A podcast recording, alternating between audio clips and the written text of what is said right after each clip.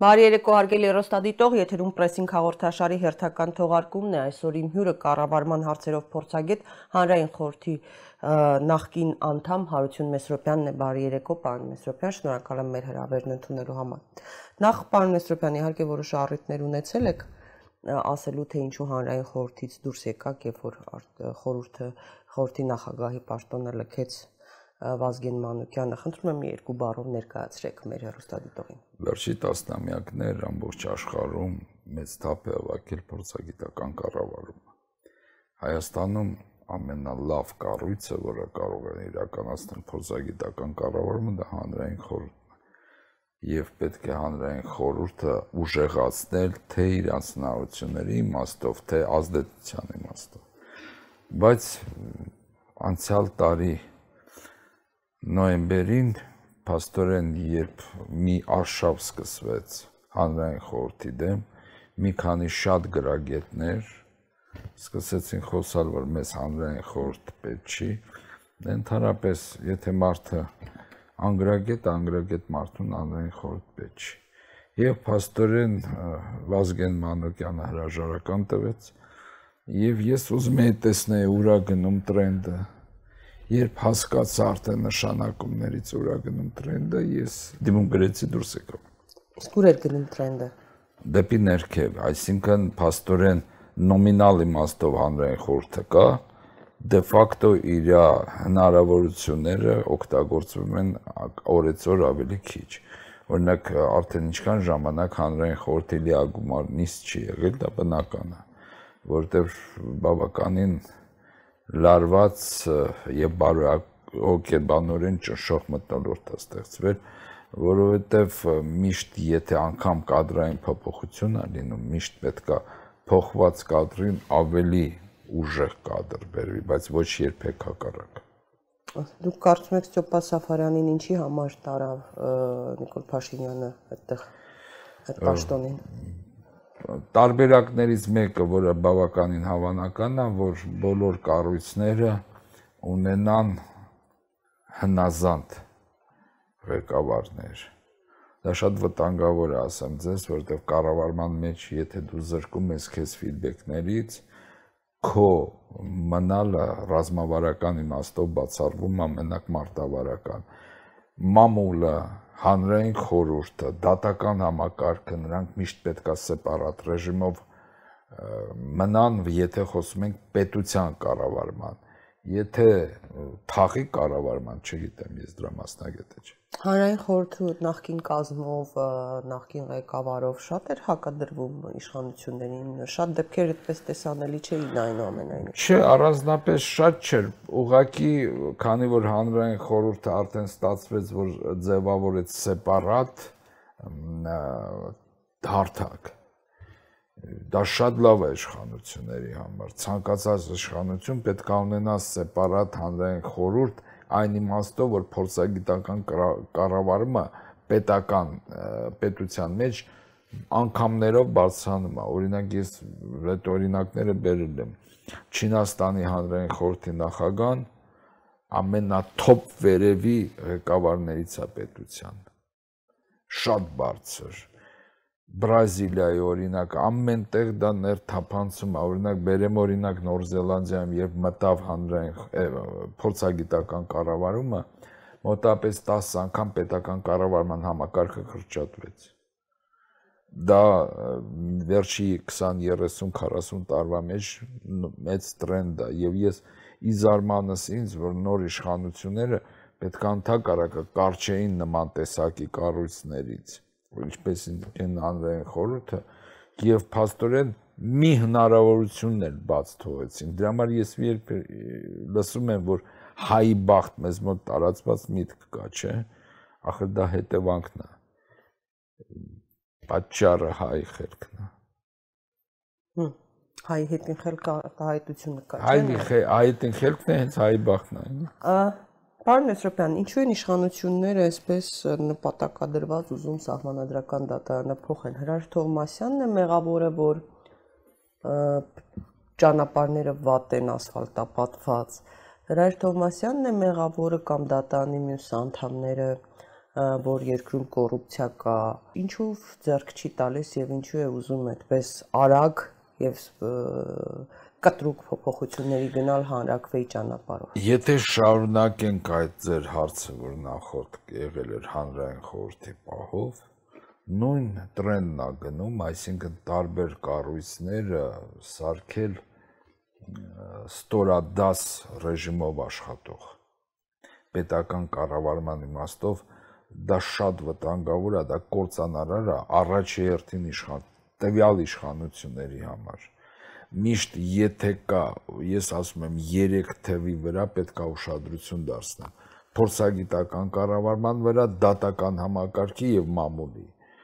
օրինակ մամուլը երբ աշխատում է հետադարձ կապ կապի իմաստով ես դեղին մամուլի մասին չի խոսքը դա գիտեք ցանկացած պետության կառավարման վերնախավի համար դա պարգև է, որովհետև ինքս դառնում է կառավարող արդեն բոլոր կողմերի իմաստով, ոչ թե իրա տեսածով, այլ եթե մամուլի կողմից էլ է երբ տեսվում։ Այսինքն նման մոտեցումը մենակ բարձրացնում է կառավարման որակը եւ երկարացնում է տվյալ իշխանության ղեկավարման ղեկին մնալուն իսկ մեզ մոտ, քանի որ մենք գավառական մտածելակերպ ունենք շատ երկար ժամանակ, մեզ մոտ ճիշտ հակառակ process-ն է։ Հեղափոխությունը չի փոխել այդ գավառական մտածողությունը, չի կարող փոխել։ Մեզ մոտ գավառական մտածողությունը դարերով է գնում, ակնթարթով չի լինի։ Ավելի խորացել է, թե նվազել է։ Տեսեք, ես հիմա մի հատ օրինակ բերեմ։ 20-րդ դարում մենք ունեինք 3 հանրապետություն Առաջի հանրապետությունը 18-20 թվական 1900 ինչ որ չափով մենք բավականին անկախ ենք։ Երկու տարի հազիվ դիմացավ։ Երրորդ հանրապետությունը 91 թվականից նորից որոշ չափով անկախ ենք, նորից խնդիրներ, ընդ որում ասեմ, այդ առաջի եւ երրորդ հանրապետության ընդհանուր կողմը։ Մենք մեզանից անկախ դարձանք անկախ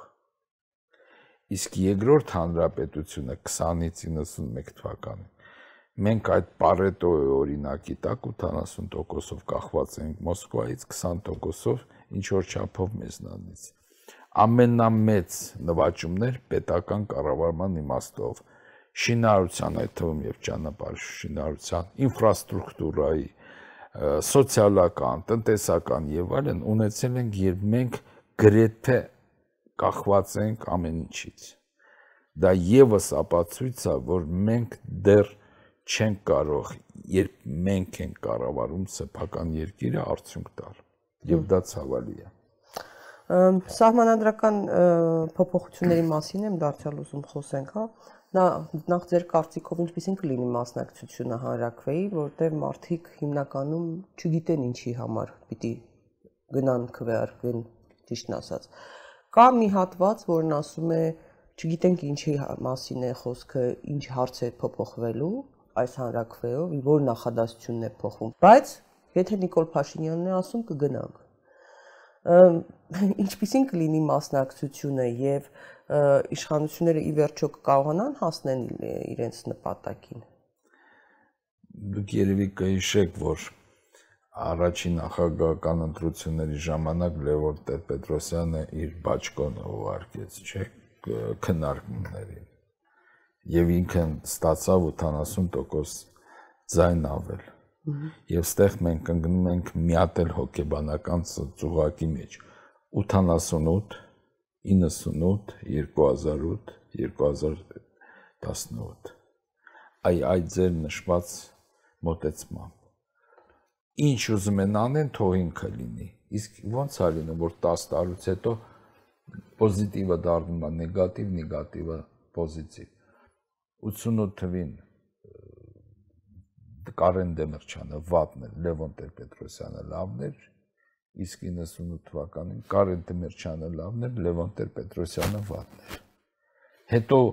2000 թվականին Լևոն Տեր-Պետրոսյանը Պետրոսյանը նորից լավն էր եւ այսպես շարունակ։ Այ պատճառը հենց դրա մեջ է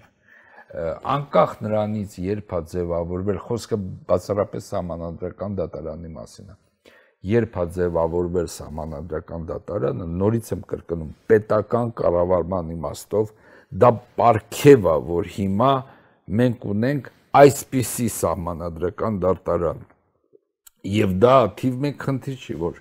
մենք երկրով մենք դրանով զբաղվենք։ Դա մենք վնասում ենք առաջին իշխանությունը վնասում է իրենց ես փորձ ունեմ մեր բոլոր իշխանությունները երբ իշխանության մեջ են իրենք խուլ են վստահ եմ այս նոր իշխանություններն էլ չեն լսի իմ խոսքերը բայց հետո մի քանի տարուց հետո չզարմանան երբ պետական կառավարման մեջ կտրվում են ֆիդբեքները իշխանությունները բավականին շուտ է փլուզվում ի վերջո կենտրոնացնում է ամբողջությամբ իր ձեռքին։ Բարշագույն դատական խորհուրդը արդեն փոփոխություններ արել էր իշխանությունը կենտրոնացրել էր իր ձեռքին, մնացել էր սահմանադրական դատանը, որը ըստ որոշ փորձագետների քաղաքական գործիչների կամ այլ ոլորտի մասնագետների պատճառը պատճառաբանում են նրանով, որ Ղարաբաղյան հարցը կարող է քննարկվել հարցի լուծումը ի վերջո քննարկվել սահմանադրական դատանով եւ այս նպատակն են հետապնդում իշխանությունները։ Ղարաբաղի հարցը թղթով չի որոշվել։ Ինչով է որոշվելու։ Մարտի դաշտում։ Անկամ եթե ընդունվեն հազարավոր փաստաթղթեր, որ Ղարաբաղը, ասենք թե Հայաստանին չի, եւ ընդհանրապես անկախ չի, դրանից հետո արյունա թափվելու։ Դա միանշանակ։ Դուք պատկերացնում եք մարտիկ, որոնք հլու հնազանդ ընդունեն նման տեսակի որոշում եւ մարսեն։ Դա հնարին բան է։ Չի կարող դա լինի, որտեվ չի կարող լինի։ Պարոն Մեսրոպյան, Նիկոլ Փաշինյանը հանրայինի եթերում հարցազրույցում ասաց, խոսելով տարածքների մասին, վերադարձի հնարավորության մասին, բանակցությունների արդյունքում նա ասաց, եթե կա առաջարկ անվտանգության ապահովման նույնքան արդյունավետ մի գործիքի, այդ առաջարկը թող ձևակերպի Ադրբեջանը ձևակերպի, հայ ժողովուրդը կքննարկի։ Այսինքն հարցը չտեղափոխվեց, չգծվեց ժողովրդի վրա։ Գիտեք ինչ, բացառված չի, որ դա դիվանագիտական հնարք լինի, բացառված չի, բայց բոլոր դեպքերում ես կուզենամ, որ ժողովուրդներին քիչ ապավենեն, առավել եւս մեր ժողովրդին։ Ես հենց այդպես չբերեցի օրինակը 88, 98, 2008, 2018։ 4 անգամ ապավենեցինք։ 3 անգամ ցույց տվեց, հիմա 4-րդն է, չէ։ Ինչքան պետք է մենք քսվենք քթներով, որ հասկանանք դա սխալ է։ Տեսեք, Նիկոլ Բայց ժողովրդն ինչ մեղավոր է, եթե այդ հարցը տեղափոխում են ժողովրդի ուսերին են դնում, ժողովրդը մանրամասներին, դետալներին տեղյակ չի բանակցությունների ինքը ժողովուրդը մեղավոր այնքանով որ շատ են մեր մեջ մարդիկ որոնք ասում են եթե սա ասում է ուրեմն անենք հենց դա է իր մեղքը այսինքն մեր ժողովուրդը ներքին ֆիդբեքներ հետադարձ կապեր չունի մենք շուտ ենք հավատում, հուզական ենք։ Ոնց 3 այդ 2008, 18 կամ 98 ոչ մեկը ծրագիր չբերեց։ Ես հենց այնպես չբերեցի այն օրինակը, որ 91 թվականին Լևոն Տեր-Պետրոսյանը Բաչկոնը ուղարկեց։ Այսինքն ծրագիր չկա։ Ես ուզում եմ ասեմ, որ որոշ բաներ, երբ Նիկոլ Փաշինյանը գանգատվում է, որ կառավարությունը կուր չի աշխատում, ինքը լրիվ ճիշտ է, կառավարությունը գործադիր կառավարման մարմին է, ինքը պետքա կուր լինի, բայց ոչ ամբողջ պետական համակարգը, որտեղ կա դատական համակարգը, որտեղ կան այլ համակարգեր, որոնք աշխատում են հետադասկապի եւ բացացնում են որակը։ Մենք ես զարմանում եմ ոնց 91 թվականին ինձ մոտ տպավորություն ոնց որ դե ցուցակ կա, ինչ չի կարելի անել պետական կառավարման համակարգում եւ մենք հայերս հլուն ազանդ այդ կետերով անցնում ենք սկզբից մինչև վերջ այդ իմ ասած 88 98 2008 2018 Ամիսներ առաջ Նիկոլ Փաշինյանը հայտարարեց, որ պետական կառավարման համակարգը իրավապահ մարմինները դիմադրում են հեղափոխությանը եւ շատ ձեռքբերումներ կատարվում են ի հեճուկս պետական կառավարման համակարգի։ Ինչպես է գնահատում այս հայտարարությունները արդյոք իրականում պետական կառավարման համակարգը կարող է դիմադրել բարձրագույն իշխանությանս։ Ուրեմն մի պահ դատական համակարգը մի կողմ թողնենք անդրադառնում այդ ձեր հարցին, եկեք գան գործադիրին։ Ըհը եթե ամբողջությամբ կադրային քաղաքականությունը վարչապետի մոտ է երբ ինքը գանգատվում է որ պետական համակարգը դիմադրում է սա կարող եմ հասկանալ որ իր կողմից բերած կադրերը լավն են մնացածները վատ են եթե այնպես է ուրեմն իր բերած կադրերը չշարունակեցին այդ process-ը ուրեմն իր բերած կադրերն են լավը չեն նման բան չի լինում եթե մարդը պատասխանա տալիս եւ իրավունքներ ունի կադրային քաղաքականությունը վարի, դրանից հետո ինքը իրավունք ունի ճունի գանգատվել։ Դա բնական է։ Այլ բան է, երբ դու մի բան կառավարում ես, քեզ նշանակում են քեզ տեղակալ վարչության պետերին, այստեղ ես համամիտ եմ, բայց եթե սա իմ ձեռումն է, ես ինչից եմ գանգատում։ Հիմա գանք դատական համակարգին։ Դատական համակարգը, երբ սերտացած չի իշխանությունների հետ անկամ եթե հակադիր է դա էլ ավելի լավ է քան թե եթե լինի սերտացած որտեղ նորից եմ կրկնում ցանկացած պետական կառավարման համակարգ պետք է ունենա հետադարձ կապեր աշխարհում մարդկության պատմություն մեջ չկա գոյություն չունի որոշ չափով անգամ մի քանի տարի գործող պետական կառավարման համակարգ առանց հետադարձ կապերի։ Նման գյուտ մարդկությունը դեռ չի արել։ Մենք ուզում ենք անենք։ Օրինակ, ասենք, եթե ուզում է այս սահմանադրական դատարանը փոխի Հրաշ Թովմասյանին Վահե Գրիգորյանով, ասենք, Արևի Պետրոսյանին օրինակ, ասենք Գագիկ Ջանգիրանով, նշվել էր անուն եւս ասենք Ալվինա Գյուլումյանին օրինակ Նիկոլայ Մաղդասարյանով ասենք ավելի լավն է դառնալու կապ ունեն, չէ, անձերը ովքեր են։ Ասենք հասարակություն հասկանում է նաև ում ումով է փոխելու։ Շատ ճիշտ եւ նոր բարձ եք տալիս, որովհետեւ մենք հիմա անձերի միջոցով դուրս են գալու բարոյականության վրա։ Վահե Գրիգորյան ո՞նց ենք մեկնաբանելու, որ քանի ամիս ինքը չի աշխատում աստորեն, եւ ստանում է աշխատավարձ, ապարքեվավճար, օգտվում է ծառայողական մեքենայից եւ այլն եւ այլն։ Բայց քանի որ մենք հայերս բարոյականությունը մեզ մոտ միշտ հետին պլանում է, հետո 10 տարի մեջ մենք 10 տարի ամեն 10 տարի մենք սկսում ենք մեր ծոցրակը քորել, չհասկանալով որ անձերը շատ մեծ դերակատարություն ունեն։ Եթե խոսքը գնում է Վայե Գրիգորյան եւ իրան ներվում է, որ ինքը փաստորեն Ջանգիրանին էլ կգանք, բարձացեք Ջանգիրանի վերաբերյալ բոլոր այն հոդվածները եւ այն process-ները, երբ ինքը ռազմական դատախազ էր։ Զինվորական։ Զինվորական։ Խնդրեմ։ Չի կարելի մարդ, մարդկանց, որոնք միանշանակ չեն ընկալվում բարոյականության իմաստով ընդհանրապես մոտիկացնել պետական կառավարման մակարդակին ինչու որտեղ ցանկացած իշխանություն պետքա ջանա որպեսզի այն ժողովուրդը ում ինքը իշխանությունն է իր մակարդակը բարձրացնի առաջերտին բարոյական որտեղ բարոյական անկումը միշտ բերում է մտավոր անկմանը այ կապը այսպեսին է եթե մենք անձերի միջոցով թքում ենք բարոյականության վրա դա նշանակում է մենք թքում ենք որակյալ պետական կառավարման վրա դա ուղակի կապ է Վարշապետ Նիկոլ Փաշինյանը երկու օր առաջ կառավարությունում խորհրդակցություն էր հրավիրել եւ հայտարարել, որ կան աղաղակող իրավիճակներ եւ կոռուպցիոն գործարքների մեջ ներքաշված ընկերություններ կամ կոռուպցիոն ճանապարհով ձեռք բերված գույքեր ակնհայտորեն պատկանում են այս կամ նախկին այն նախկին կամ ներկա Բարսաշճյան պաշտոնյաներին, բայց մեր իրավապահ մարմիններն այդ կապերը ապացուցող փաստեր չեն գտնում։ Զարմանալի չէ, որ երկրի վարչապետը այդ աղաղակող փաստերի մասին գիտի, իսկ իրավապահ մարմինները ինչ որ չեն գտնում։ Եվ մի քիչ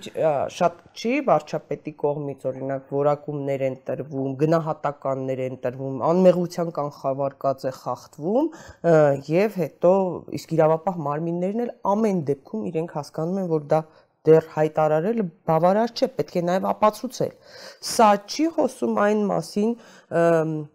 որ երկրում ստացվում է ամեն հարցում, բոլոր հարցերում մի միանձնյա որոշում է կայացվում։ Նույն կորոնավիրուսի դեպքով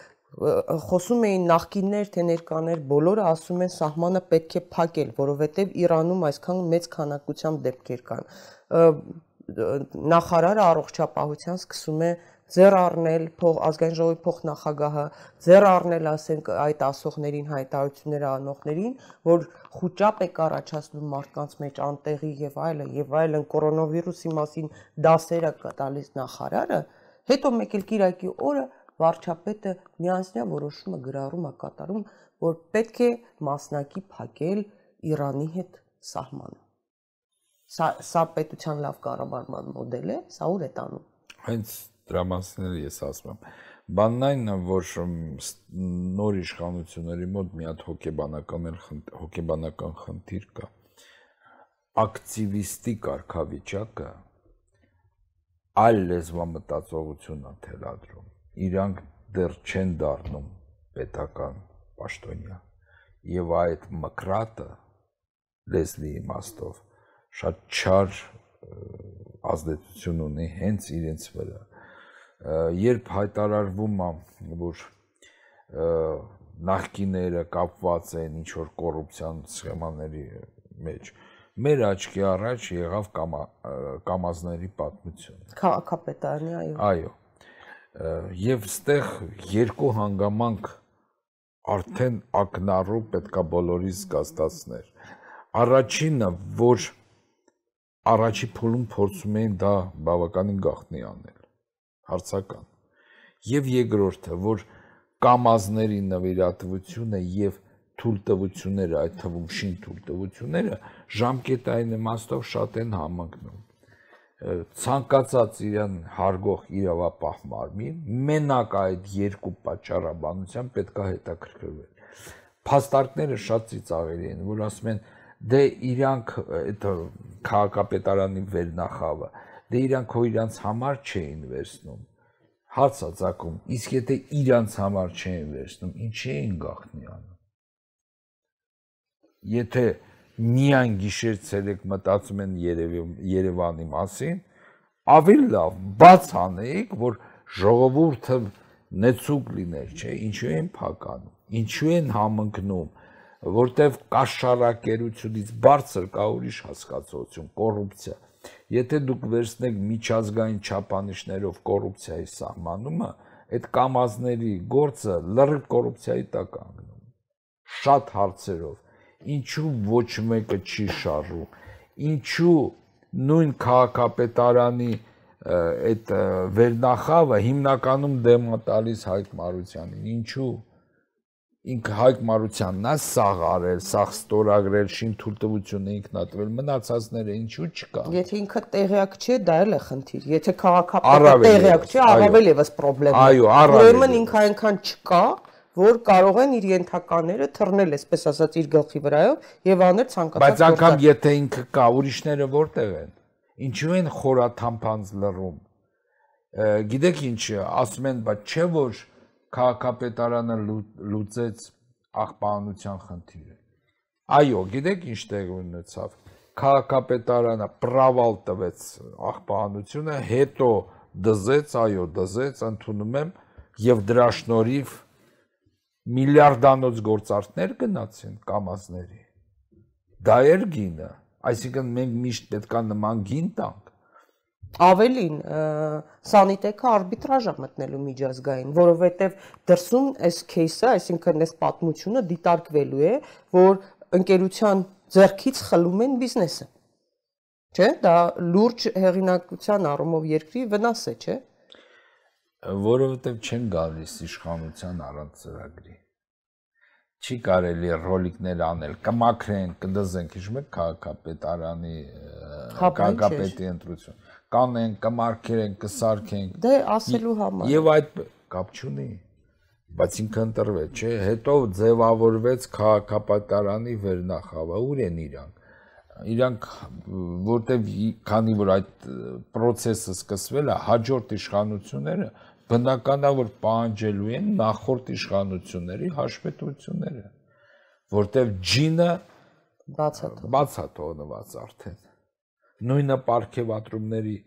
հարցը։ Ես չեմ բացառում, որ հաջորդ իշխանությունները պահանջեն միջև վերջի լումա վերադարձնել պետբյուջե այդ միլիարդավոր ապարքեվադրումներ։ Տեսել եք, այսինքն թվերը միլիոն, ասենք, մի քանի միլիոնների դոլարների հասնող ամեն նախարարություն կամ ազգային ժողովի վայել հսկայական։ Օրինակ, ասենք, ինչի պիտի սոցիալ նախարար Զարուհի Բաթոյանը 8 ամսվա համար աշխատավարձից բացի 30000 դոլար ապարքեվավճար ստանա։ Ինչի համար։ Տեսեք, ընդ որում իդեպ Բագրատյանը դա անվանում է գանձագողություն, նույնիսկ կոռուպցիա չէ որ պետական միջոցների ուղակի գողություն։ Բայց Նիկոլ Փաշինյանն ասում է դա բան է, աշխատավարձի մաս է կազմում։ Տեսեք։ Այն որ պետական պաշտոնյան, այդ թվում եւ քաղաքապետարանի վերնախավը պետքա լավ արձադրվի, դրանում երկու կարծիք փոխեն բարձրացնեն աշխատավարձերը։ Պետքա բարձրացնել աշխատավարձը, իսկ ապարքեվադրումներին ձեռ չտալ։ Ինչու՞։ Աշխատավարձը մի տրամաբանություն ունի կառավարման իմաստով ապարքեվադրումները այլ աշխատավարձը եւ դու քո ամբողջությամբ job description-ը, քո աշխատանքի նկարագիրը կետ առ կետ անում ես եւ ստանում ես դրա համար բարձր աշխատավարձ։ Սա մի կողմ դնենք։ Պարքեվադրումները տրվում են միայն եւ միայն համենապես մարդկությունը ոչ այսօրը այդ երկու ձևերով են տալիս պարքեվադրումը, երբ մարդը երկարատև ժամանակ ճշգրիտ իր job description-ը, իր պարտականությունները կատարել առանց թերացումների, դրա համար աշխատավարձից բացի 10-րդ 13-րդ աշխատավարձը ընտանիք դա տալիս դա եղել է այն ժամանակ եղել եւ այլն եւ երկրորդ պատճառը երբ իրեն իր պարտականությունների զատ ինքը փայլուն ինչ որ նվաճումներ ունեցել տալիս են պարքեվադրում։ Երբ տրամաբանությունը հետեւյալ դե պարքեվադրումները դա նույն աշխատավարձներ են, դա գիտեք ինչա նշանակում։ Կտրվում է անձնակազմի կառավարման լծակներից մեկը։ Եվ փաստորեն ինչա ստացվում։ Ինչով է տարբերվում պարքեվադրումն է, պարքեվադրումը կաշարկից։ Կաշարկը ինչա։ Փող են տալիս, որ գործ արվի։ Էս հիմա ինչ է ստացվում։ Արդյունքներ գրեթե չկան, փող են տալիս։ Ահա կամ Երբ որ դրամահավաք կազմակերպեցին հանրակրվեի համար Դվին հոլում, հա, հրավիրեցին գործարարների, զանգեցին եւ ասեցին պետքա դրամահավաքին մասնակցեք, հանրակրվեի եւ այլն, այդ մարդկանց, հա, նախկինում էլ ասենք ասում էին բանը գործարարները տալիս էին այս այս կամ այն նախաձեռնության համար ընդդիմությունը ասում էր տեսեք ինչ են անում բանը գործարարներից փող են վերցնում իրանց բանի քարոզարշավի համար տեսնեն։ Երբ որ դա 200 միլիոնը գերազանցեց, իսկ օրենքով չի թույլատրվում, Նիկոլ Փաշինյանը ասաց, որ դա բանի համար է, կուսակցության կարիքների համար է, ոչ թե հանրակրվի։ Երբ որ երեք լրատվամիջոցները հարցում արեցին, որպեսի հրապարակեն ովքեր են այդ գումարները, տվել եւ ով որքան է տվել, ասացին, գիտեք ինչ, արտերկրից էլ կան արտարժույթով փոխանցողներ։ Չենք կարող էլի արագանել մի քանի օրվա ընթացքում։ Այն դեպքում, երբ որ օրենքով արգելվում է արտերկրից կուսակցություններին կամ նաև հանրակրվեների ֆինանսավորումը, հա։ Նիկոլ Փաշինյանը այն ամենին այդ ելույթում այսպեսի մի արտահայտություն թվեր տվեց իրեն, որ եթե կեղծիկ լինի նույնիսկ իրան սպանում, ինքը երկու իր ձեռքերը կկտրի, բայց չի թույլ տա։ Սա ինչ է, ինչու են մարդիկ նման արտահայտություններ թույլ տալուց շատ լավ հասկանալով, որ բնականաբար ձեռքերը երկու չի կտրելու, ոչ մեկը, ոչ երկուսը։ Գիտեք ինչ, ես քանի որ սա մարդկանց էմոցիաների վրա խաղալու ես քանի որ կառավարման մասնագետ եմ, փորձագետ եմ, ես այլ դիտարկումից եմ նայում, ես նայում եմ եւ ցավ եմ ամրում, որ այս նոր իշխանությունները քայլ առ քայլ ընթացիկ պայի խնդիրները լուծելու համար կտրումակ պետության կառավարման լծակները ոնց կտրեց ապարքեվատրումների միջոցով դա լծակներից մեկը եւ մի շարք այդ ձևերով սա գիտեք ինչա նշանակում կառավարման մեջ կա այսպես կոչված կառավարչական փոս երբ դու նոր որ մարտահրավերները ավելի դանդաղ ես լուծում, քան նրանք հասունանում են եւ խնդիրների քանակը պետական կառավարման վրա ծանրանում են, ինքը կամած կամած ճակումա ճեղքված կա տալիս։ Այդտենց եղավ գրեթե բոլոր իշխանությունների հետ մեր եթե գնանք թե Սերժ Սարգսյանի, թե Ռոբերտ Քոչարյանի, թե Լևոն Տեր-Պետրոսյանի, ինչ էր լինում, այսեն ձնագնդի պես խնդիրները շատանում են, որովհետև նախորդ խնդիրները կամ չէին լուծվում, կամ կիսա չէին, կիսատ են լուծվում, կյանքն էլ առաջագնում այդ խնդիրները նորը գալիս են եւ պետական կառավարմանը կառավարումը չէր ստացվում։ Հիմա մեր նոր իշխանությունները ես հատուկ եմ շեշտում մեր նոր իշխանությունները որովհետև մենք ենք ընտրել, ճիշտ է, ես չեմ ընտրել, բայց մենք ենք ընտրել։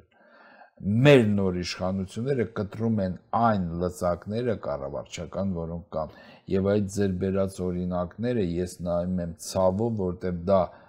մի ամսից հետո ավելի դժվար կլինի կառավարել այսպես բաներ անելով։ Երկու ամսից հետո ավելի դժվար մի օր կգա բիֆուրկացիոն կետ եւ կսկսվի այն ինչ միշտ մեզ մոտ սկսվում է աստված տա արյունով չի։ Պարոն Մեսրոպյան, Պարզ է, որ այո, մեծամասնությունը գնաց քվեարկեց, որտեղ փոփոխությունների սպասելիքներ ուներ, հա, այդ խորհրդանական ընտրություններին, բայց նաև իրենց թիմից, իշխանական թիմից օրինակ Դավիթ Դավիթ Սանասարյանը, վերահսկողական ծառայության նախկին պետ, որը դա որի գործառույթ գործառույթություն գործառույթները դադարեցված են, հա, հայտնի գործի քրեական գործի շրջանակներում Դավիթ Սանասարյանը ասաց, որ ժամանակին Արթուր Վանեցյանը ազգային անվտանգության ծառայության նախկին տնորեն, որ ինչպես է կարգավորել, որպիսի Ալեն Սիմոնյանի հետ ինչ որ ավելի շատ ձայներ ունենան, ուղղորդել են ընտրությունները, այսինքն այնպես չի, որ բան են անցել լիարժեք մաքուր արդար պայմաններում նախքին ընտրությունները, հա, խորհրդարանական, որքան էլ այդ էйֆորիան կար։ Հետևաբար նաև հանրակվեն, սпасելիք չկա, որ դա լինելու է արդար պայմաններում։ Ճիշտ ասած, մենք հայերս, եթե արդար սկսենք ընտրել, կարողա պատահի արդյունքները շատ ավելի տխուր լինեն։ Մենք չենք կարող ընտրել։ Տեսեք, բերեմ օրինակ Ես հիմա պաշտպանել այսօրվա իշխանությունները։ Այսօրվա իշխանությունները շատ բարգեշտ են։ Իրանք ապրել են 2018 թվականին, ասել են մերժի Սերժին։ Եվ մարդիկ հիմնական այդ լոզունգի ներքո ձայներ են տվել։ Իրանք չեն ասել, գիտեք ինչ, մենք ունենք այսպիսի ծրագիր, այսպիսի հարցեր պետք է լուծենք, որտեղ այս հարցում մենք ձեզ ենք օգնելու եւ այլն եւ այլն։ Պետության զարգացման չեն տվել։ Հիմա ժողովուրդը բարոյական իրավունք ունի այս իշխանություններին ասել ինչու չես լավացնում մեր կյանքը նման իշխանությունները նման խոստում չեն տվել եւ մարտի ոնց ասել են կարմիր գծերի մասով են հարցասել աշխատավարձերի բարձրացում կենսաթոշակների բարձրացում աշխատավարձները բարձրացնում են կենսաթոշակները բարձրանում ուրիշ բան քանի տոկոս բայց այս իշխանությունները բավականին պարկեշտ են իրանք իրաց խոսքը։ Ասում եք կախարդական փայտիկ կա նախկին ընդդիմադիր Նիկոլ Փաշինյանը շատ արագ կարելի է երկիրը ծաղկեցնել։ Ես իրանց տեղը պատասխանեմ 5 տարվա մեջ արդեն որոշ բաներ իրանց խոստումներից արել են։ Սերժ Սերժ Սարգսյանին հերացրեցին, աշխատավարձները բարձրացնում են, թոշակները բարձրացնում են։ Քանի հոգու աշխատավարձ են բարձրացրել։ Մի բարթացրեք։ Հասկանում ենք, որ դա կապ չունի, բայց բոլոր դեպքերում ինչի թոշակները բոլոր դեպքերում բարձրացել են մի քանի 1000 դրամ, 2000 դրամ։ Իրանք երբ խոստում տալիս են։ Նախկիններն էլ էին բարձրացնում, դա եմ ասում։ Կապ չունի, բայց 18 թվականի ապրիլին իրանք ավել բան չէին ասել։ Բա ասում էին մեծ ներդրումներ տնտեսության։ Սպասեք 5 տարին չի անցել։ Հա։ Ճիշտ է։ Հիմա տեսեք, ես նորից եմ կրկնում, ժողովուրդ այս իշխանություն այնպես չի որ այս իշխանությունները անպարկեշտ են, իսկ ժողովուրդը բարի փերիա, ոչ, ժողովուրդը པարս առաջարկին ընդունեց այդ առաջարկը ընտրեց։ Հիմա թող խելոք 5 տարի սպասեն, ինչ ասեմ։ Ես չեմ ուզում ժողովրդին մեղադրեմ, որովհետև ժողովուրդը ամեն դեպքում վստահել է։ հույս ա ունեցել։ Ես չգիտեմ, նման բառերը լավ չեմ հասկանում, բայց բոլոր դեպքերում հարաբերությունները բավականին པարզ են։ Իրանք 5-7 կետ են ասել, կեսը գոնե հիմա արել են։ 2% են բացացել, 10%-ով են բացացել աշխատավարձները կամ թոշակները, դա էլ հարցը։ Նվազագույն աշխատավարձներ չեն բարձրացրին։ Ուզում եմ ասեմ, իրանք որոշ չափով հետամուտ են իրանց խոստումների։ Թող ժողովուրդը չգանգատվի, իրանք այդքան են խոստացել անում են, իսկ որը չեն արել 5 տարի սպասեն հույս ունեմ ժողովուրդը հասկացավ իրոնիան այս ասվածի, բայց միայն դրանք չէին իրենց խոստումների մեջ, բավական լուրջ խոստումներ կային նույն տնտեսության առումով աննախադեպ հեղափոխություն է եղել եւ հիմա էլ օրինակ ասում են որ այս հարակվեով հեղափոխությանը ասում ենք այո եւս մեկ անգամ տեսեք ինչ որ կադրեր են նկարում Սփյուռքից այսինչը ծաղկեփնջով կանայք որ որոշել են օրինակ Օսլոից կան կոչին են հետևել եւ գալիս են հանրակրվեին ասեն այո ոչ Ռեժ Թովմասյանին այո Ես Սփյուռքի մեր հայրենակիցներին, որոնց ես բոլոր հայրենակիցների նկատմամբ հարգանքով եմ վերաբերում, մի հատ էքսպերիմենտ եմ առաջարկում։ Սփյուռքի մեր հայրենասիրները, հայրենակիցները գան ապրեն ստեղ ժամանակավորապես։ Ստեղի ապրողները գնան Սփյուռք։ Եվ Սփյուռքի այդ լոզունգները, որ անում են, այդ լոզունգների ներքո ստեղ ապրեն։ Ու հետո մենք նայենք արձագանքները ես չեմ գտնում, որ մարդ, որ չի ապրում Հայաստանում, իրավունք ունի ցուցումներ տալու։ Նման բան չպետք է լինի։ Սա մեկ։ Երկրորդը ասում են տնտեսական հեղափոխություն։ Նախ ես տնտեսագիտություն եմ դասավանդում, ես չգիտեմ դա ինչ է նշանակում, միգուցե շատ ցածր այն կրթական ցենզը բայց հեղափոխություն եւ ներդրումներ դա հակառակ հասկացողություններ են ինչքան մենք շատ կրկնենք հեղափոխություն բառը այդքան քիչ կլինեն ներդրումները ես արդեն 1.5 տարի բերանս չորացավ ասել մեր իշխանություններին մի ասեք այդ բառը կամ 1-1 այլ առիթներով իսկ իրանք բոմբ են սարքել տնտեսական հեղափոխություն Դա նշանակում է ներդրումները ճիշտ են։ Եվ երկրորդ բառը մի հատ խելոք ասել էր սև ու սպիտակ ու կրակն են ընկել։ Ուրեմն փողը չի սիրում սև սպիտակ, չի սիրում հեղափոխություն։ Մենակ այդ երկու տերմինները ասելով ներդրումները նվազելու են։ Իսկ երբ որ օրինակ ասում են շնաբարո դուրս պրծուկ, ինձ մոտ տեխնիկական կրթություն է, ես նման բարդ արտահայտություններ չեմ հասկանում այսինքն հասկանում եք նման արտահայտություններ կային որ ասֆալտին կփռեն եւ այլն կծեփեն պատերին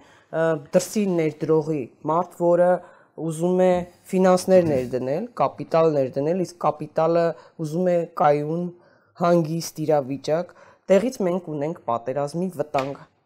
Մենք բարդ տարածաշրջանում ենք եւ գումարած դրան այսպիսի ղեկավարություն ինչի կլինի, ինչ կունենանք։ Գիտեք ինչ, մենք հայրս ավելի բարդ ենք, քան ստե մեր տարածը շրջանը։ Եթե մենք բարդ չլինեինք, հա, հավաստացնում եմ ձեզ, որ ներդրումները կլինեին։ Այո, այդ արտահայտությունները չի կարելի անել տարբեր ասպարեզներով, իմաստներով, այդ թվում եւ ներդրումների իմաստով։ Դա դրանք վտանգավոր են։ Բայց վտանգավոր է նաեւ այլ բան 1968 թվականին Կերպմանը ներկայացրեց այսպես կոչված Կերպմանի երանկյունը։ Երանկյունը, երեք անկյունը, մի անկյունը դա հետապնդողն է, մյուս անկյունը զոհն է, երրորդ անկյունը գիտեք ով է։ Հա։ Փրկիչ։ Այ 1988 թվականին մենք հլու հնազանդ ի կատար ենք ալցում Կերպմանի երանկյունը Բա ինչպես ազատվել դրանից։ Ես չգիտեմ դուք կհիշեք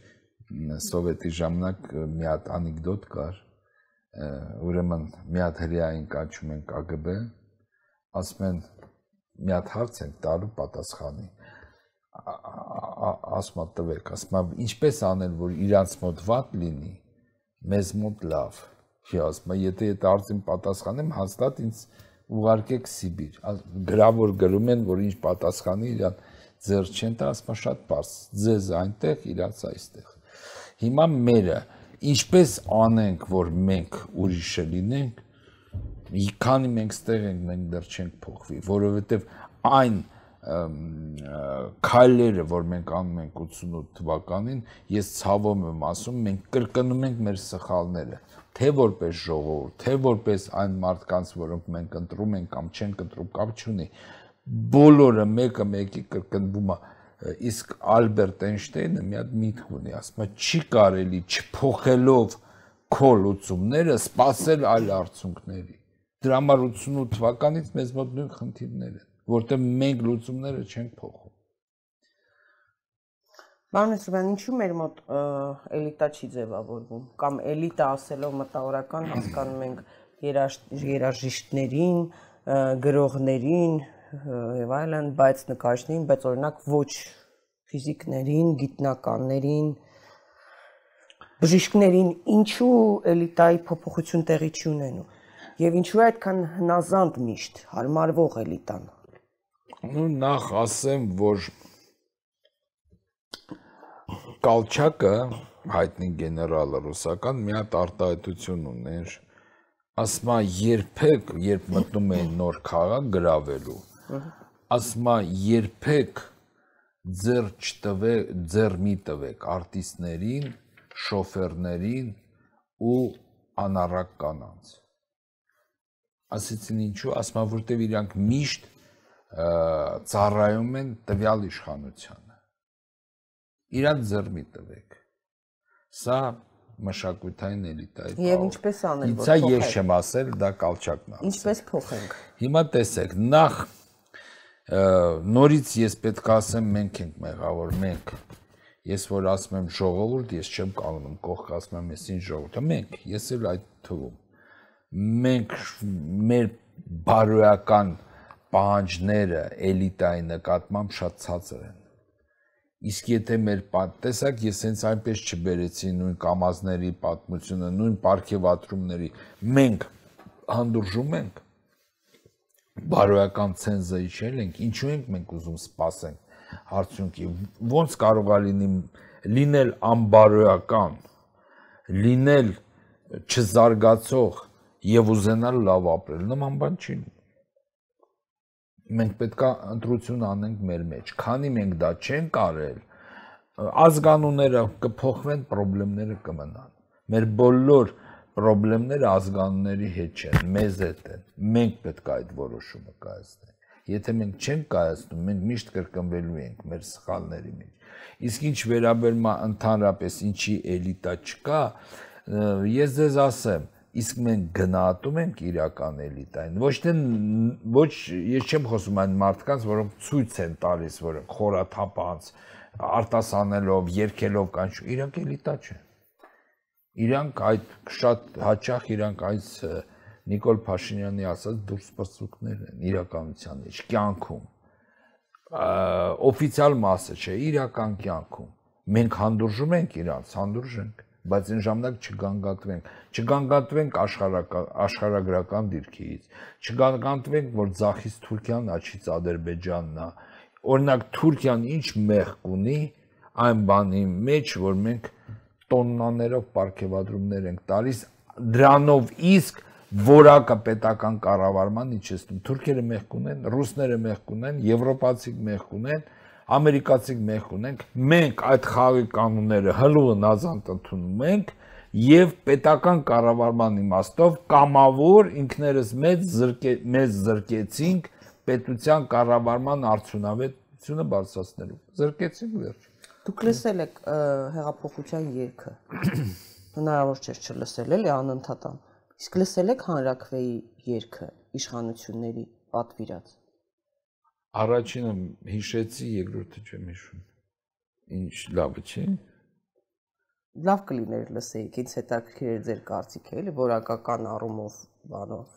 կարող է դա այդ որակ թելադրել դա։ Կամ երբ որ առաջին իսկ օրից པարզ է դառնում, որ հանրակրվեի իշխանությունների լոգոն գողացված է։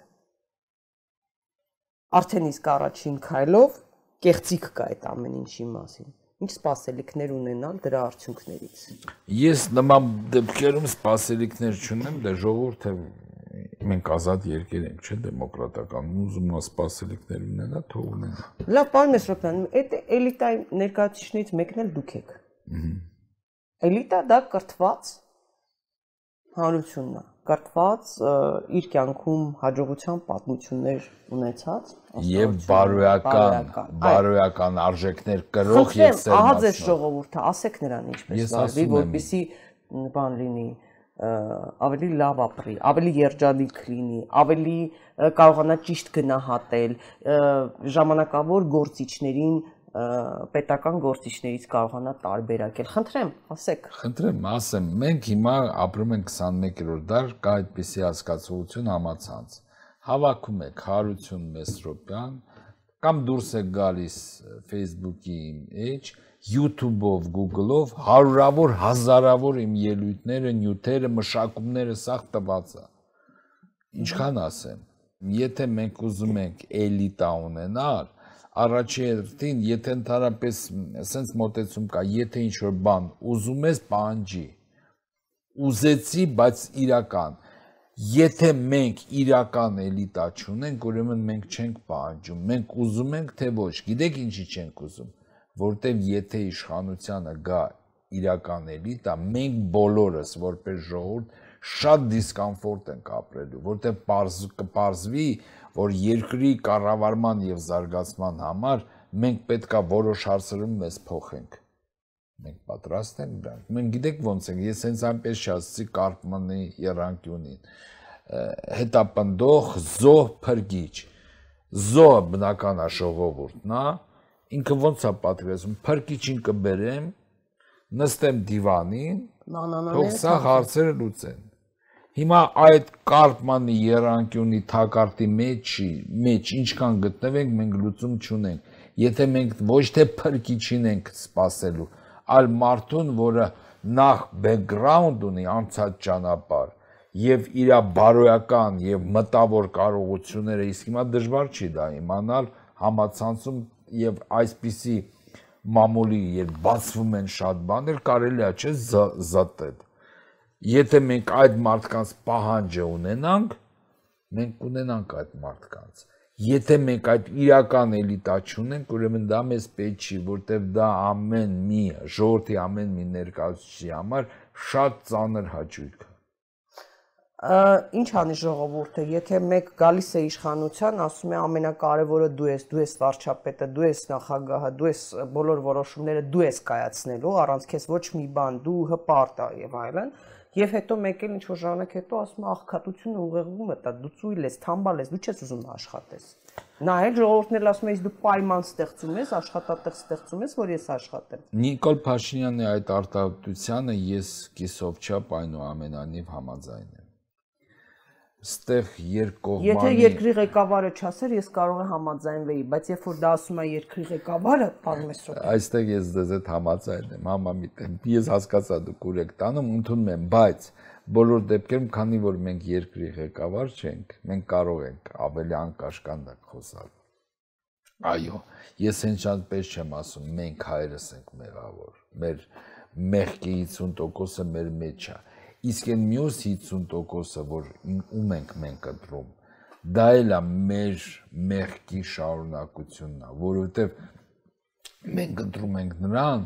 ով իր նախընտրական փուլում չի ասում ժողովուրդ դու էլ սա պետք է անես։ Ինքը ասում է սա կարվի, սա կարվի, ժողովուրդն էլ պատկերացնում է, որ ինքը ոչ մի բան չի անելու կամ շատ չնչի գալերով կասնի ինչ որ բարիկների։ Մենք բոլորը ասում եմ այդ անբարոյականության շղթայի մեջ ոնց որ սկյուրիկը բանի մեջ պատտվում ենք։ Սա շատ վտանգավոր է։ Հետևաբար երկիրը չի կարող կառուցվի օթից, չեն կարող Սինգապուրի օրինակը որ բերեմ կտեսնեք, մեկ-մեկ կարող է լինի օթից, բայց մեր պարագայում ես չեմ տեսնում դա ոնց։ Չի կարող ինչ որ մարդիկ պարաշուտով չեն իջնի ու երկիրը կառուցել։ Մենք պետքա պահանջատեր լինենք։ Տեսեք, մենք բոլորս ունենք լավ iPhone-ներ եւ բջջային։ Ինչու? Անկամ պատրաստ ենք ապարիկ վարկ վերցնել եւ iPhone-ներ եւ սոտոններ ունենալ։ Ինչու? Որտեվ մենք գտնում ենք, որ դա մեզ պետք է։ Մենք ոչ չենք ասում, ինչ դժվար է ապրել, ես որտեղից iPhone ունենամ։ Բոլորը ունեն վարկերի տակ ճկռում են, բայց դե, ունեն։ Վարկ են վերցնում, ծնունդ են անում, հա։ Հիմա, եթե մենք ուզում ենք iPhone, ունենք։ Եթե մենք չունենք կառավարող էլիտա, ուրեմն չենք ուզում։ Ժամանակին դուք դատի եք տվել Նիկոլ Փաշինյանին։ Պատմեք կարճ։ Չէ, ոչ թե թերթի խմբագիր էր։ Ուրեմն ասեմ ինչ էր եղել 2001 թվականին երբ ես առողջացնում էի Արարատ բանկը, մի հատ հոդված դուրս եկավ, որտեղ գրված էր, որ ես մսխում եմ մեծ գումարներ։ Իմիջիայից ասեմ, հայկական պատմության մեջ առաջի անգամ անվճարունակ բանկը դարավ վճարունակ։ Այսինքն ինձ հաջողվեց այն ժամանակ դատարանի որոշմամբ ես միանձնյա կառավարիչ էի, Արարատ բանկը սարքել աշխատող, հիմա այդ արդյունքը կարող եք ձեր տալ։ Եվ 2001 թվականին կարծեմ աշնանը այդ հոդվածը դուրս եկավ, ես ամառը նշանակվեցի աշնանը եւ ես Արարատ բանկը ընդունեցի մինուս 18.5 միլիոն դոլար 3 տարուց հետո հանձնեցի պետությանը պլյուս 4.5 միլիոն դոլար եւ առողջացավ բանկը Ես շատ ցավոտ ընդունեցի այդ հոդվածը, որտեվ ոնց ասեմ ձեզ օրերով տուն չէի գալիս առաջի ամիսները սարսափելի էր որտեվ ավանդատուները խեղդում են դե գիտեք դա ինչ է բոլոր պարտավորությունները բանկը փակեց եւ հիմա աշխատում է եւ երբ ես դա տեսա ես չեմ կարող ասեմ դա հենց Նիկոլ Փաշինյանն արել թե չէ, բայց բոլոր դեպքերում ինձ շատ ցավալի էր, որտեղ հայկական ժամանակում էր։ Այո, հայկական ժամանակում էր։ Եվ շատ ցավոտ էր եւ ես որ վերցրեցի իմ մասնագետներին կանչեցի, իրանք հաշվարկեցին, հետո իմ փաստաբաներին կանչեցի եւ արդեն նախ փորձեցինք զանգել, հասկանալ ինչու է այդտենց, որտեղ օկնականս ոնց որ ես չէի սպասում նման բան Վերջը, որ տեսա նորմալ արձագանք չկա, ես դատի տվեցի։ Մի քանի ամիս գնաց դատը եւ դատարան ընդունեց, որ ես ճիշտ եի, որտեւ իրական թվերը, որ Ինչ եղավ, հերքում տպագրեց։ Իրանք հերքում տպագրեցին, ընդ որում տեքստը ես էի տվել։ Եվ տեքստով? Դե այնտեղ ես գրում էի, բացադրում էի ինչն էր ճիշտը։ Իմիջիալոց ասեմ, այդ պայի դրությամբ, երբ այդ հոդվածը դուրս եկավ, արդեն եթե չեմ սխալվում 1.5 միլիոն դոլար ես վերականգնեցի 6 ամսվա մեջ բանկում այո ու շատ ցավոտ ընդունեցի ես վերականգնում եմ իսկ ընդ որում ես ասեմ ոչ մի պարգև այդ վճարներ չկար իմ աշխատավարձը 480.000 դոլար էր դրամ էր կներեք ոչ մի պարգևատրումներ չկային եւ Եվ ներողություն խնդրեցին ձեզանից։ Այո, այո, ի պատիվ ներողություն խնդրեցին, հետո նամակ եկավ, որ իրանք ինձ ըստ արժանավորնի գնահատում են, այս իմաստով այդ վերջնամասում իրանց պահվածքը բավականին լավն էր, բայց սկզբնական մասը շատ ցավոտ էր։ Ես հետո իմացա, թե ով էր պատվիրել։ Դա հայկական ժամանակից դուրս էր ուղակի միգուցե իրանց թյուրամատության մեջ էին գցել ձեր ուսանողներից կան այս կառավարությունում, եթե դուք լինեիք ղեկավար, նրանք նրանց կընդգրկեիք կառավարության անդամ, օրինակ Տիգրան Ավինյան եւ այլն։ Գիտեք ինչ, կառավարի չեն ծնվում։ Օրինակ Տիգրան Ավինյանը իրանք ինքը ավարտել է ՊՄ-ի այդ մաթեմատիկներ են սլավոնականում իմիջալոց այդ այդ տեսակի ուսանողները լինի դա ՊՄ-ի կամ տնտեսագետներ, այնտեղ բավականին շատ հաջող մարդիկ կան եւ տեսականորեն իրանք բավականին պատրաստված են պետության կառավարման։ Այստեղ գիտեք հարցը ինչումն է։ իրանք մի խնդիր ունեն, որ երևի չկարողաց չստացվեց լուծվել։ Իրանք լավ արդյունք են տալիս, երբ կողքը լինում են փորձառու մարդիկ։ Օրինակ աշխարհում պետության կառավարման կտրուկ թրիչք անելու ինչ են անում հրավիրում են երիտասարդներին, ասենք թե Տիգրան Ավինյաններին եւ անպայման զուգակցում են ավակ սերունդի հետ եւ շատ լավ տանդեմ է միջալուց լինում այն ճանապարհը որ պետքա անցնի երիտասարդը կրճատում է ավակ սերունդը այդ բանը չեն արել դրա համար ես շատերին քանի որ դասավանդել եմ ես շարունակում եմ դասավանդել այդ կոպիտ սխալա պետական կառավարման մեջ միշտ պետքա զուգընկերային իմաստով կառավարել Պարոն Մեսրոպյան, ինչով է վտանգավոր այն, որ երկրի իշխանությունը, վերանանք նույնիսկ, հա, այս անուններից, սկսում է խաղալ հասարակության էմոցիաների վրա եւ էմոցիաներ կորզելով, էմոցիաներ էմոցիաներով կերակրելով եւ էմոցիաներ կորզելով։ Այս էմոցիոնալ կառավարումը, այսպես ասեմ, ինչի կարող է հանգեցնել պետության կառավարման առումով։ Շատ արատներ, որ մենք հիմա տեսնում ենք, դա նախկին իշխանություններից է գալիս եւ դա ուրանալ ամբողջը գցել նոր իշխանություններին ճիշտ չի։ Եվ երբ ես հիմա տեսնում եմ նախկին իշխանությունները, այսենց կույսական հայացքներով ելույթ են ունենում, ես աչքերից չեմ ավատում։ Օրինակ, 90-ական թվականներից սկսվեց ժողովրդի մակարդակի անկում,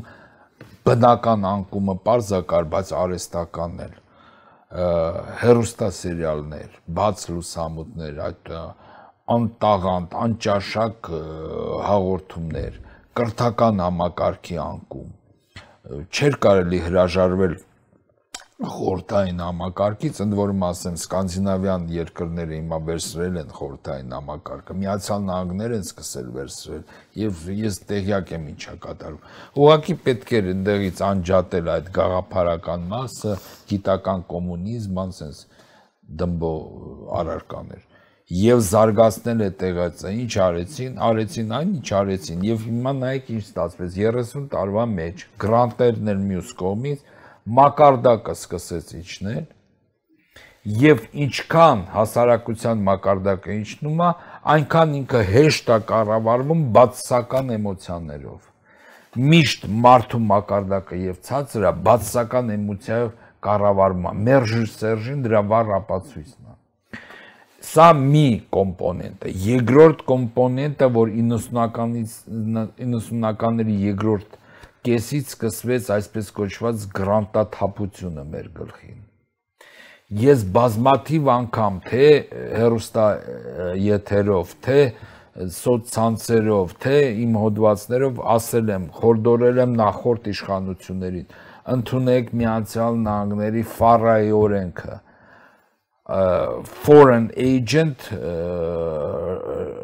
Registration Act երբ մարդիկ, որոնք դրսից ֆինանսավորում են ստանում, համարվում են օտար երկրա գործակալ բոլոր իրենց սահմանափակումներով։ Միացյալ Նահանգները ունեն, Իսրայելը ունեն, Ռուսաստանը ունի։ Սորսի հիմնադրամը Միացյալ Նահանգներում բանա գործակալ է համարվում։ Նայած որտեղից է ֆինանսավորում։ Օրինակ շատ եվրոպական երկրներում, ինքը այդ թվում եւ Ռուսաստանում, այդ թվում եւ Իսրայելում համարվում է գործակալ։ Այսինքն խնդիրը գիտեք ինչումն է, այդ սաղ ես ասել եմ Եվ հիմա, երբ ես լսում եմ նախ նախքին պաշտոնյանները, այսինքն կլոր զարմացած դեմքերով Երբ որ մեկ հոգի ասում, դա կարծիք է ընկալվում։ Հանրային խորհուրդը օրինակ, հա, բարձրաձայնել է այդ սերիալների հարցն է ասում։ Սերիալները որակ որպես այդպեսին որակով չեն լինում եւ ինչ որ գաղափարներ են ներմուծում հասարակության մեջ միգուցե պետք էր ոչ թե առհասարակ սերիալ գաղափարից հրաժարվել, այլ փոխել նույն այդ էլիտան պետք է բարձրաձայներ ու պահանջեր։ Ոչ թե ուղղակի այսպես ելույթների։ Ես չեմ ասում սերիալ հանել, սերիալ այն երևույթը, հա։ որ մենք տեսնում ենք, այո։ Կամ այսօր օրինակ ասենք ավելի ինչ որ բան փոխում է Արայիկ Հարությունյանը, քան օրինակ երկար տարիների կրթության նախարար Լևոն Մկրտչյանն։ Դե ասում մենք չենք փոխվում։ Իմ ասածս ինչ է Լևոն Տեր-Պետրոսյան, Ռոբերտ Քոչարյան, Սերժ Սարգսյան, Նիկոլ Փաշինյան ըստ էության փոփոխությունները գրեթե չկան, ըստ ձևի ինչքան ուզեք։ Խոսելով, ճառերով, պահվածքով տարբեր են, բայց էությունը նույնն է։ Այդ դուք լավ եք ասում։ Ինչով է էությունը նույնը իրանց, չեմ հասկանում։ Որովհետև հիմ ներկայիս կրթության նախարարությունը չի լուծում այն խնդիրները, որոնք առաջացել են մինչև իրեն։ Չի լուծում եւ չի լուծի, որտեղ նման նպատակ մենք չունենք արդեն 30 տարի։ Ռոբերտ Քոչարյանին նստեցնելով կալանավորելով մարտի 1-ը բացվում է։ Իհարկե ոչ։ Իշխանությունները ուզում են, գործող իշխանությունները ուզում են իսկապես բացվի մարտի 1-ը։ Ես բանը վանգա չեմ, ես կառավարման տեսանկյունից նայեմ։ Տեսեք։ Ուրեմն կա հասկացողություն պետության վարկանիշը պետության վարկանիշը մի քանի մակարդակներ ունի։ Պետություն որպես վարկանիշ, պետական պաշտոն որպես մարտկանիշ, պետական պաշտոնյա։ Ռոբերտ Քոչարյանը ընդունենք ամենա անհաջող մարդն է, ընդունենք։ Ենթադրենք եք ասում, հա, հա Ենթադրենք։ Ռոբերտ Քոչարյանը եղել է Հայաստանի Հանրապետության նախագահ, ինքը նաև եղել է Արցախի նախագահ։ Նման ձևով կպնելով Ռոբերտ Քոչարյանին, ես չգիտեմ Ռոբերտ Քոչարյանի հետ ինչ նպատակներ կան, թե չէ կարող եմ ենթադրել, բայց մենք խփում ենք պետության վարկանիշին։ Առավել եւս նույն օրը օրինակ մի քանի օր առաջ դրվել էր եւ Ռոբերտ Քոչարյանի դատավարությունը եւ Սերժ Սարգսյանը։ Այ ես որ ասում եմ մենք չունենք պետական մտածելակերպ, դա է։ Մեր խնդրեմը 30 տարի կանոնման նրանում, որ մենք ինչ որ չափով ունենք քաղաքական գործիչ, մենք չունենք պետական գործիչ։ Այ պետական գործիչը նման քայլ չեր անի։ Թող ինչ որ պրոցեդուրաներ լինեին, քնվեր ինչ որ հարցը եւ այլն։ Նկատի ունեք, որ կարող է գործող իշխանությունները կամ Նիկոլ Փաշինյանը պարզապես այդպիսով վրեժ խնդիր է լինում։ Բացառված չի, բայց նորից եմ կրկնում, անկախ նրանից մենք ոնց ենք բացադրելու։ Մարդը եթե ասնում է պետական պաշտոնի, պաշտոնին թիվ 1 իր խնդիրը պետքա լինի. չվարկաբեկել պետությունը որպես ինստիտուտ իր պաշտոնների իմաստով, պաշտոնների որովհետև մենք խփում ենք արդեն պետության վարկանիշին, իսկ պետության վարկանիշը եթե ընկնում է, ընկնում են նվազում են ներդրումները։ Սա միանշանակ դրա համար ես նախաձեռնել եմ մի ամիս առաջ պետական մտածելակերպ ունեցող մարդկանց հավաքագրում եւ process-ը բավականին հետաքրքիր է գնում։ Ես չէի սպասում, որ դեռ կար մնացել են մարդիկ, որոնք ինչ որ չափով փորձում են բավարարել պետական մտածելակերպ ունեցող մարդկանց եւ անգամ հավես չեն կորցրել ներգրավել։ Ես դրա համար ժամանակավորս մի քիչ դանդաղացնում եմ այդ process-ը, որ զտումը շատ մանրակրկիտ գնա, որովհետև մենք մի հատ էլ հաց խնդրեմ ենք ստեղծում պետական կառավարման մեջ։ Կառավարման մեջ երկու մոտեցում կա՝ հավաքագրել, հետո զտել, ինչ արեց նույն նոր իշխանությունը, ինչ անում էին բոլոր իշխանությունները, կամ զտել հետո ավակագրել։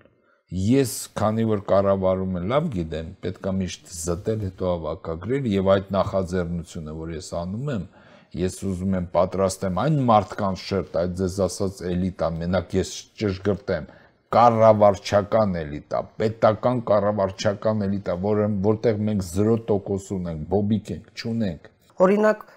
պաշտոն են ստանում նրանք, ովքեր քայլել են իշխանությունների հետ, ովքեր խանգարել են Ռոբերտ Քոչարյանի ասուլիսը, բոլոր այդ խանգարող երիտասարդները բարձր պաշտոններ են զբաղեցնում։ Այսինքն խրախուսվում է դա, ստացվում է